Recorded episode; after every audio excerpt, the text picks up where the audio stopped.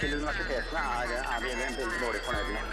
Og hvis du ser på hva vi tar no more killing of innocent lives. Ja, det, den saken eh, tapte vi i Soria Moria-forhandlingene. Det var aldri Men hvorfor tapte dere når alle er enige om det? Eh, Nei, det var ikke så stor enighet som eh, det Er det et område vi møter den tradisjonelle brytningen mellom individets frihet og samfunnets ønske om beskyttelse? Lokalt, nasjonalt, internasjonalt. Nyhetsdialog går i dybden.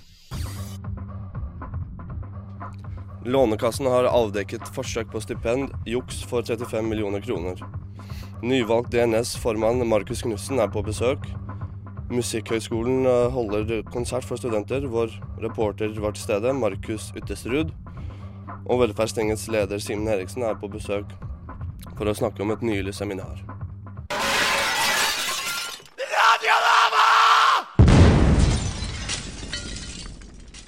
God morgen. Du hører på Studentnyhetene her på Radio Nova. Mitt navn er Skelchen Bunyako, og med meg har jeg Dag Sneve. Og på teknikken har vi Tobias Fredø. USA, Canada, Brasil, Costa Rica, Chile, Peru, Mexico. Det handler om å skape det europeiske området for høyere utdanning gjennom å tilpasse høyere utdanning i Bologna-landet, sånn at det skal bli lettere for studenter og akademikere å utveksle. Det er jo et brudd på studentene sine retter. Nyhetsfredag. Radio Novas aktualitetsmagasin. Hver fredag på FM 99,3. Lånekassen har avdekket forsøk på stipendjuks for 35 millioner kroner. Etter omfattende bokontroll nylig har Lånekassen avdekket at flere studenter som bor hjemme hos foreldrene sine, har oppgitt at de ikke gjør det for å motta borteboerstipend de ikke har krav på. 48 000 studenter ble sjekket. 2200 av dem kunne ikke dokumentere at de hadde bodd hjemmefra. Til sammen utgjør dette en sum på nær 35 millioner kroner. For dem som blir tatt, blir straffen å betale tilbake all støtten de har mottatt, og så gå uten støtte like lenge som de har fått støtten gyldig. I de verste tilfellene kan de bli politianmeldt. Med oss på telefon har vi Marianne Andreassen, administrerende direktør for Lånekassen. Jeg har lyst til å, åpne med at vi har eh, gjort en storkontroll eh, eh, i fjor knytta til det med bostatus, der 2200 studenter har forsøkt å jukse til seg et utdanningsstipend. Eh, og det representerer 35 millioner kroner. Um, vi har veldig gode kontrollrutiner, som også nettopp denne bokontrollen viser, ved at vi har klart å forhindre at disse har klart å jukse til seg et utdanningsstipend de ikke har rett på. Men allikevel så er det nå noen som har klart å jukse til seg 32 millioner. Er det da noen av deres rutiner som har sviktet denne saken? Er det noe dere kunne gjort med med? Altså, De har ikke eh, juksa, de har forsøkt å jukse til seg eh, disse midlene. Men vi har klart å forhindre det eh, med utgangspunkt i at vi nå har eh, overfor disse eh, nekta dem en omgjøring eh, av lån til utdanningsstipend. I tillegg så har vi jo iverksatt en reaksjon som innebærer at vi som hovedregel nå har utestengt disse for å kunne få støtte for den samme perioden som de har forsøkt å jukse oss for. Hvis jeg oppfatter deg riktig nå, eh, var det først i fjor dere begynte med kontroller? I fjor var første gang eh, at vi hadde en såkalt totalkontroll, hvor vi kontrollerte da alle studenter som har oppgitt at de bor borte fra foreldrene, men som likevel studerte så nær foreldrene at de kunne ha bodd hjemme. Så vi kontrollerte 48 000 studenter. Tidligere har vi bare hatt stikkprøvekontroller, hvor vi har eh, kontrollert rundt 1000 studenter. Opprinnelig så gikk dere ut med at det totale beløpet som det er blitt jukset for her, oppimot 72 millioner kroner, hvis jeg ikke tar helt feil. Og så ble det senere nedjustert til rundt halvparten av dette. Så jeg lurer på hvordan dere kom frem til det opprinnelige beløpet, og hvorfor det senere ble justert ned. Altså Det som jeg tror er veldig viktig, det er at vi som sagt for første gang har hatt en totalkontroll. og For første gang har vi på en måte fått faktiske tall på bordet.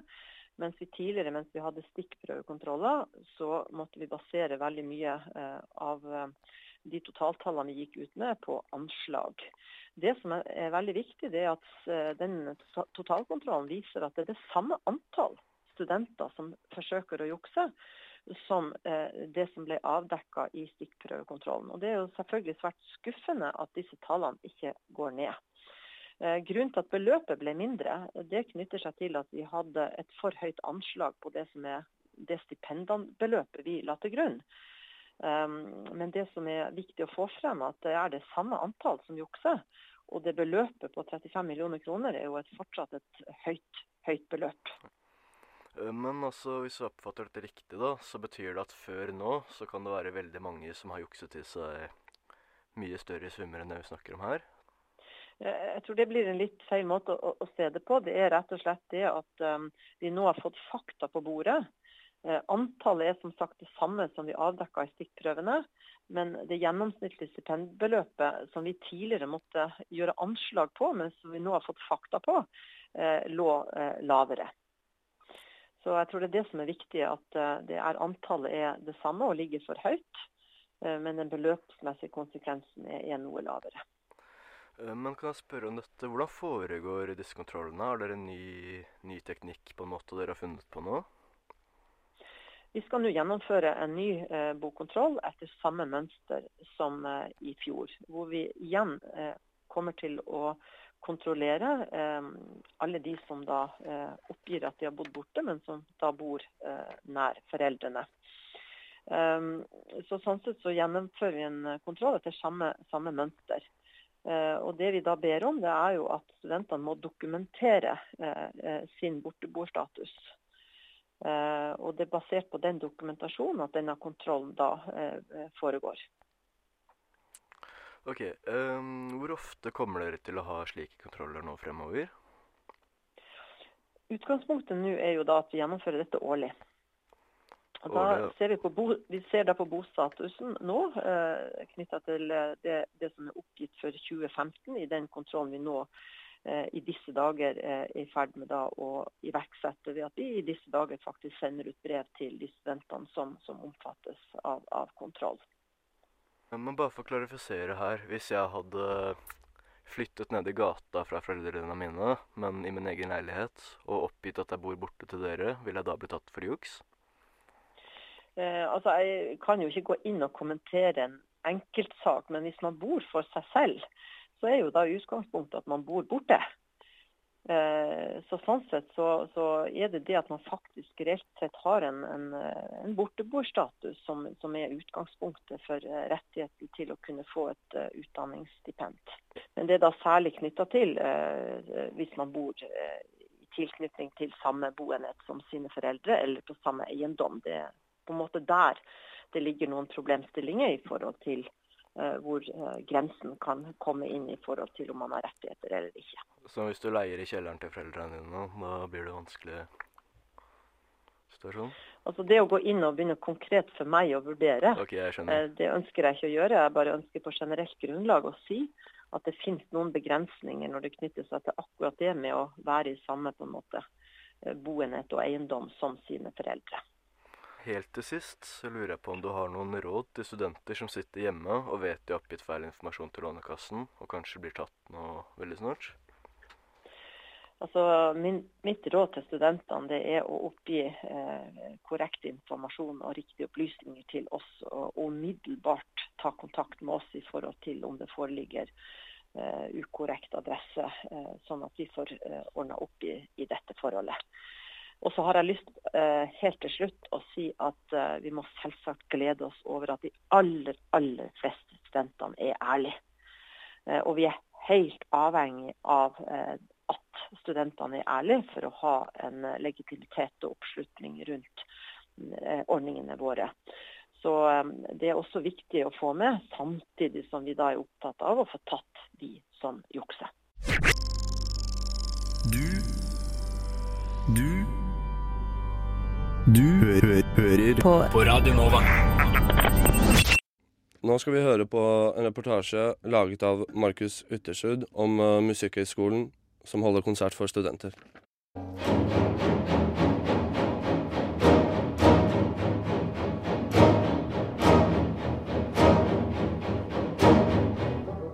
Fredag 29.1 inviterer studentene ved Norges musikkhøgskole inn til konsert. På plakaten skilte skolen med at de skal spille musikk fra Star Wars, men ifølge dirigent Ingar Bergby er det stykket 'Vårofre' som folk bør legge merke til. Konserten til fredag er et løft for oss eh, her på Norges musikkhøgskole. Da skal vi spille et verk bl.a. av eh, en som heter Stravinsko, Igor Stravinskij. Han skrev et verk i 1913 som heter 'Vårofre', som revolusjonerte liksom måten å behandle et orkester på. da. Uh, og så skal vi spille Star Wars, suite fra Star Wars. John Williams sin berømte filmmusikk, som jeg regner med de aller fleste har et eller annet forhold til. Det er jo veldig mange som har sett den filmen. Star Wars har, som Ingar sier, de aller fleste av oss hørt om eller et forhold til. Men hva er det egentlig som gjør 'Vårofre' så spesielt?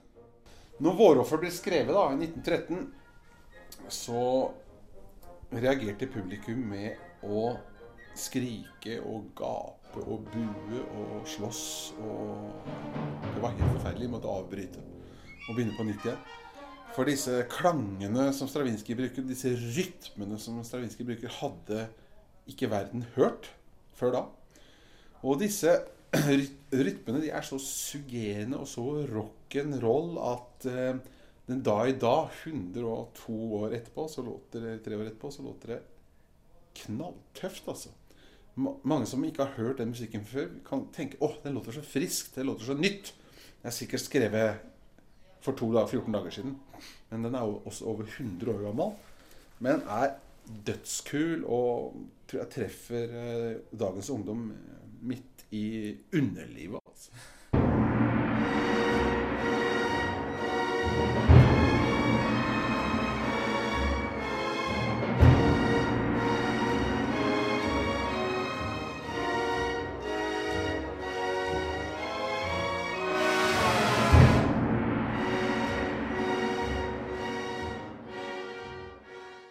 Reporter i saken var Markus Uttestrud.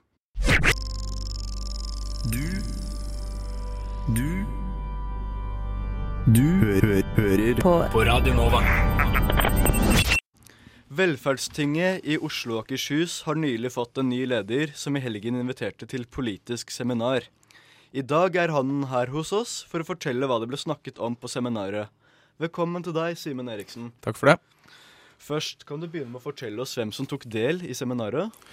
Ja, eh, Seminaret er jo for alle Velferdstingets eh, representanter. Eh, det er da 37 eh, mennesker som velges fra student, alle de forskjellige studentdemokratiene som er tilknyttet Velferdstingene, altså, Velferdstinget, altså alle skolene under SIO. I tillegg så har vi jo våre studentrepresentanter i hovedstyret til Studentsamskipnaden til stede, eh, diverse andre gjester og oss som sitter i arbeidsutvalget. Hvorfor inviterte dere til seminar?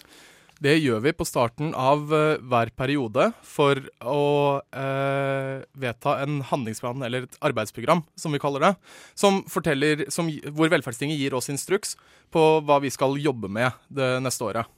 Ja, Rakk dere å bli enige om en handlingsplan for 2016? Og i så fall, hva skal dere fokusere på? Vi rakk å vedta en handlingsplan, ja. Uh, gode til å følge opp tida. Um, vi har et hovedfokus, som vi har hatt de siste årene, på at det skal bygges flere, bedre og billigere studentboliger i Oslo og Akershus.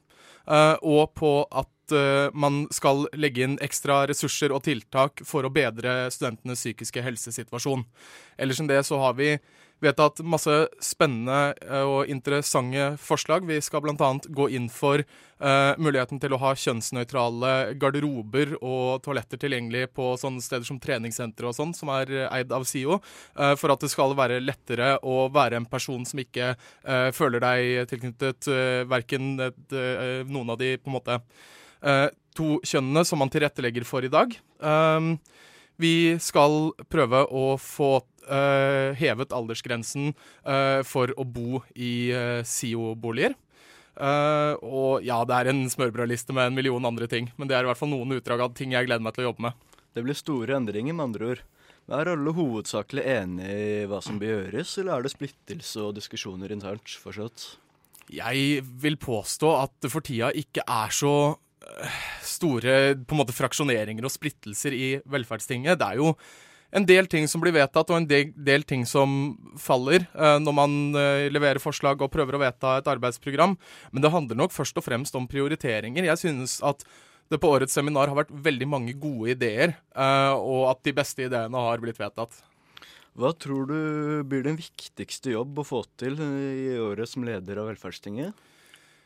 Jeg har jo nevnt litt av det allerede, men vi skal uh, nå i løpet av året, sannsynligvis i løpet av februar, uh, diskutere om vi skal øke semesteravgiften for å få råd til mer studentvelferd, og for å passe på at vi kan fortsette å drive et godt tilbud. Det tror jeg blir en veldig spennende og en veldig viktig diskusjon, og det blir spesielt spennende å se hvor Velferdstinget lander. Det er jo sånn at Uh, semesteravgiften uh, har jo nå ligget flatt på 550 kroner siden uh, 2012. den prisjusteres ikke, eller noe sånn. Og det har ikke blitt vesentlig flere studenter i Oslo de siste årene. sånn at i praksis for hvert år så får man mindre og mindre penger å rutte med.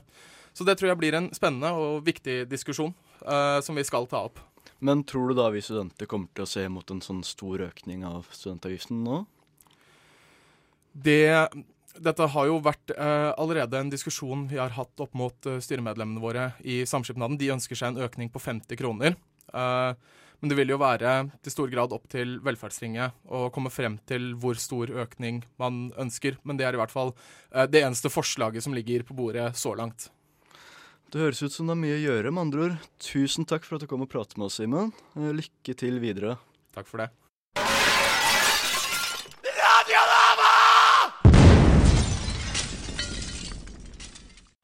Det er meg vel kjent å planlegge neste morgen som dagen da alt endrer seg.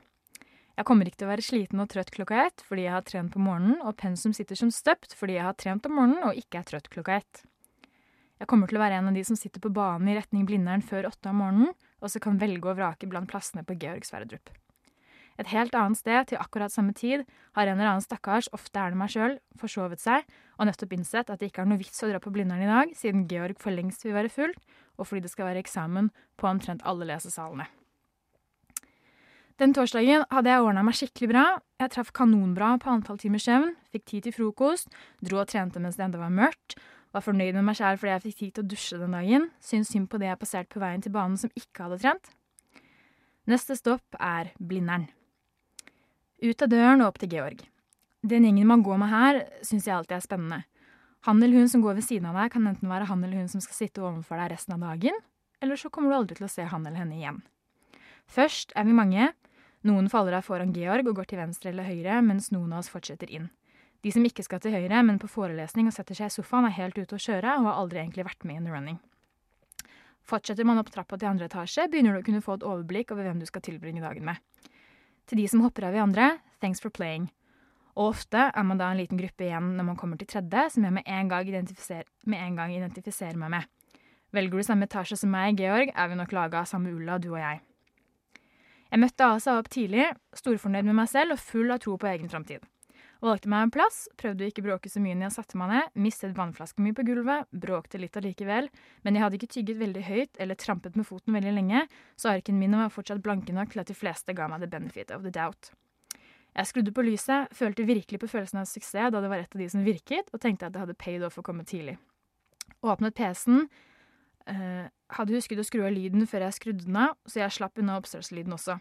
Åpnet boka, rigget meg til, sjekket Facebook, Instagram, Twitter, mail 1, mail 2, blogg 1, blogg 2, blogg 3, blogg 4, ble enig med meg selv om at det strengt tatt ikke var nødvendig å sjekke blogg 5, og begynte. Det hører med til historien at den dagen var på dag nummer tre av fire av siste uka før eksamensplanen Herregud, dette går faen ikke bra-planen min, og på dagens oversikt sto det notater. Tenkte for meg selv at det kunne vært en god idé å skrive notater fra hvert kapittel etter at jeg hadde lest det tidligere i uka, men jeg hadde kunnet stryke over hvert av kapitlene relativt fort, og det var ensbetydende med fremgang. Jeg rakk ca. en halvtime med notatskriving før jeg fikk øye på batteriprosenten og de 14 prosentene jeg hadde igjen.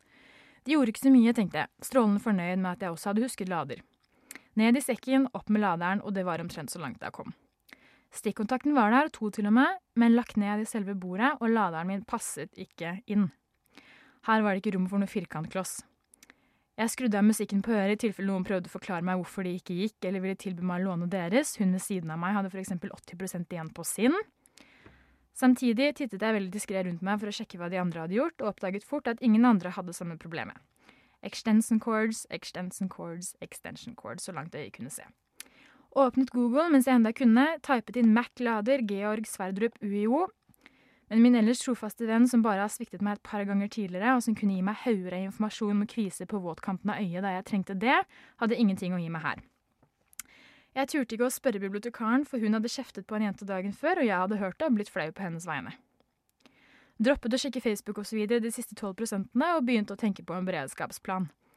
Når slutten var nådd, måtte jeg etter hvert innse at det ikke fantes noe annet råd enn å finne en ledig stikkontakt med plass til min, firkantkloss av en Mac-lader, og fortsette arbeidet der. Problemet var bare at det eneste som var ledig, var de innerst i gangen langs gulvet. Ingen stol i sikte. Jeg satte meg ned på gulvet og likte meg ganske godt her i starten, men etter hvert ble gulvet hardt og rumpa skrumpete, og forbi meg gikk det flinke studenter som hadde sittet på Georg før og visste om ladesituasjonen. Uff da, stakkar, kom ikke tidlig nok til å finne plass, hun, tar nok ikke studiene så seriøst, fuck you. Resten av dagen måtte jeg med jevne mellomrom ta meg gulvpauser, og dagen etter husket jeg extension-corden. Det tok selvfølgelig en evighet å bli ferdig, og ikke før halv ti på kvelden kastet jeg en håndkle. Ikke spesielt effektivt, men når jeg klokka halv ti på kvelden gikk på banen i retning hjem og fikk øyekontakt med en voksen som ga meg det anerkjennende nikket med litt medlidighet i øynene, som sa at ja, du, jeg husker hvordan det var å være student, og du er jammen meg flink som er lenge på skolen, er det sånne som deg som skal ta over som morgendagens leder, så er vi i gode hender. Deg blir det noe av. Så tenkte jeg at ja, ja, det blir nok det.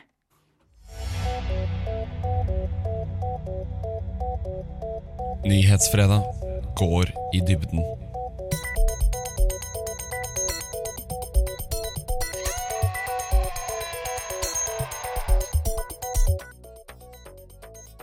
Takk for oss for denne gangen. Med meg i dag har jeg hatt reporter Dag Sneve og Tobias Frøde som tekniker. Mitt navn er Skelchen Bunyaku. Nå skal vi ta og høre noen ord fra ansvarlig redaktør her på Radio Nova, Bjørnar Haugeli. Sitat. Flyktninger er kun flyktninger så lenge det er krig i landet deres. Mens de venter på å reise hjem igjen, så får de matkuponger og tak over hodet, og da kan de bruke tiden til å vaske etter seg og lære litt om demokrati, i stedet for islam, som bare fører til krig mellom shia, sunni og alawitter i Syria. Vaske etter seg lagde flyktningene en grisesti fra Syria gjennom Russland til Norge. Sitat. At det går an! Gå kurs, og så er man ikke pedofil lenger. Eller kurs for å ikke være homofil. Hvorfor ikke kurs som får dem til å slutte med å være araber? Sitat slutt. Sitat. Bra at Folketinget i Danmark stemte for å inndra penger og verdisaker slik at de kan forhindre at pengene går til ISIL. Nja, får håpe at Stortinget her også snart forstår alvoret. I en tid hvor en kan være redd for å ytre sine meninger om hvor trangsynt, ignorant og uvitende den norske befolkningen er, i det fysiske offentlige rom, så har det alltid vært en trygg havn å ankre sin båt med sine uhørte meninger. Der finnes det meninger som blir stemplet som hets, rasistisk, sexistisk, mens brukerne av kommentarfeltet på sin side hevder de bare har sterke meninger. Eller som de selv sier, en spade for en spade. I etterkant av en særs generaliserende kommentar. Eller som de selv sier, en spade for en spade i etterkant av en særs generaliserende kommentar. I går ble det meldt at en av deres båter har synket til grunns. Dagbladets kommentarfelt legges ned. Båtlasten med sterke meninger ble for tung. Er dette uheldig for ytringsfriheten? De som ikke bruker disse arenaene for å ytre seg, ser på brukerne av disse kommentarfeltene, mildt sagt, som misforståtte, smålige mennesker. Men i ytringsfrihetens navn tar de uhørte meninger fra rasismens undergrunnsnettverk, sånn som dokument.no, og kaster meningene rett i fleisen på akademia, det journalistiske embetet og politikere, som ifølge dem ikke kan en dritt og bruker multikulturalisme som et dekkbegrep til å gjøre Norge til et kalifat. Ifølge deres egen hatsgranskningskommisjon er avismediene styrt gjennom en feministisk agenda Les enhver mening fra Marie Simonsen, uavhengig om det handler om feminisme eller ei. Så blir begrepet dratt inn og brukt mot henne. Fortsetter Marie Simonsen slik, er hun i ferd med å gjøre seg selv irrelevant. Skriver Robert Fabian. Det har hun gjort for lenge siden. Svarer Martin Simonsen. De er der for å kommentere, selv når de selv mener det er irrelevant å være der. Kommentarene må ta sted. At mediene har ansvar for alt som publiseres gjennom deres respektive mediumer, har gjort at kommentarfeltene har vært til diskusjon i mange redaksjonsmøter. Riktignok skjønner den gjengse nordmann at kommentarfeltene ikke gjenspeiler mediumet sitt syn. Spørsmålet har vært om det er moralsk riktig av pressen å ha slike foraer som kultiverer meninger som eksempel at folk bør dø, selv om slike kommentarer vil bli fjernet så raskt moderatoren ser de. Sett til side trusler, og selv om visse ytringer fremkommer som usaklige og uspiselige, har mediehusene fremvist at det skal være høy takhøyde for meningsytring. Det er jeg enig i, men de fleste kommentarfelt fremstår som unyttig meningsytring. Det fører sjelden til noe konstruktivt. De som forsøker å bruke ytringsfriheten til å fremme det gode ord, blir møtt av et flertall av mennesker med kynisme som våpen. Det har blitt gjort forsøk på å sivilisere brukerne. VG Nett har gjort det slik at du kun kan kommentere med Facebook-kontoen. Å kunne identifisere den som kommenterer, skulle en tru kunne resultere i en mer konstruktiv meningsutveksling. Men i stedet ser jeg bare brukere som kjemper om hvem som er den dummeste av dem. Sofie Elise måtte fjerne kommentarfeltet på sin egen blogg fordi leseren hennes diskuterte å drepe henne. En kan bruke kommentarfeltene i klasseromsundervisning for å demonstrere hva som er midt imot anstendige normer og verdier. Men på den måten funker generaliseringen begge veier. Eller bare det å tenke at kyniske og hatske kommentarer helhetlig skal tas med en klype salt, kan være farlig. Så fort vi fikk vite hva som skjedde på Utøya 22.07, var brukerne raskt på tastaturet for å påstå hvilken folkegruppe som sto bak. Men til deres egen overraskelse var det en av deres egne. En skulle tro at det ble en lekse, men nei. I disse tider hvor innvandringsdebatten har blitt den heteste debatten, viser det seg at de samme meningene lever i beste velgående, og generaliseringen feies over hele kommentarfeltet. Derfor er kommentarfeltene et nyttig redskap for å se hvilke meninger som ikke kommer frem i debattene du ser på TV eller du leser i kronikkene. Men det er farlig å generalisere ved å tenke at de bare er misforståtte, smålige mennesker. De stemmer, de òg. Samt at personer som står bak slike meninger, har klart å mobilisere seg tidligere. Overser vi dem, og ikke inviterer dem til debattene, så kan den form for undertrykkelse i seg selv høste desto mer misnøye. Så ja, er det skadelig for ytringsfriheten å ikke ha kommentarfelt på pressens nettmedium. Det vil nok ikke være noen fra kommentarfeltene som får Fritt Ord-prisen, men jeg ser ikke for meg at disse meningene vil forsvinne når de ikke har en arena å utfolde seg på. Når Dagbladets kommentarfelt legges ned, er det fortsatt mulig å være kynisk under et pseudonym. Jeg selv sier kast kommentarfeltene i vasken. Det har blitt forsøkt å gjøre den til en human diskusjonsforum over lengre tid, uten hell. Vi klarer ikke å vinne på bortebane. Steng kommentarfeltene, og det må oppfordres til at brukerne som har blitt hjemløse, om at de må sende inn kronikker som har argumentasjon, drøftelse og er skrevet på en anstendig måte. Vi må få disse brukerne på hjemmebane.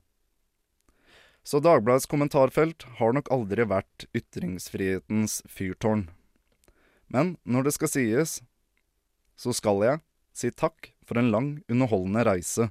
Det var deg jeg fikk Det var deg jeg gikk til når jeg ikke klarte å finne meg nettkjæreste på blink. Det skal også sies at du hadde mye humor. Blir ikke kontroll på masseinnvandringen til Norge, så vil det bli folksomt på Montebello heretter.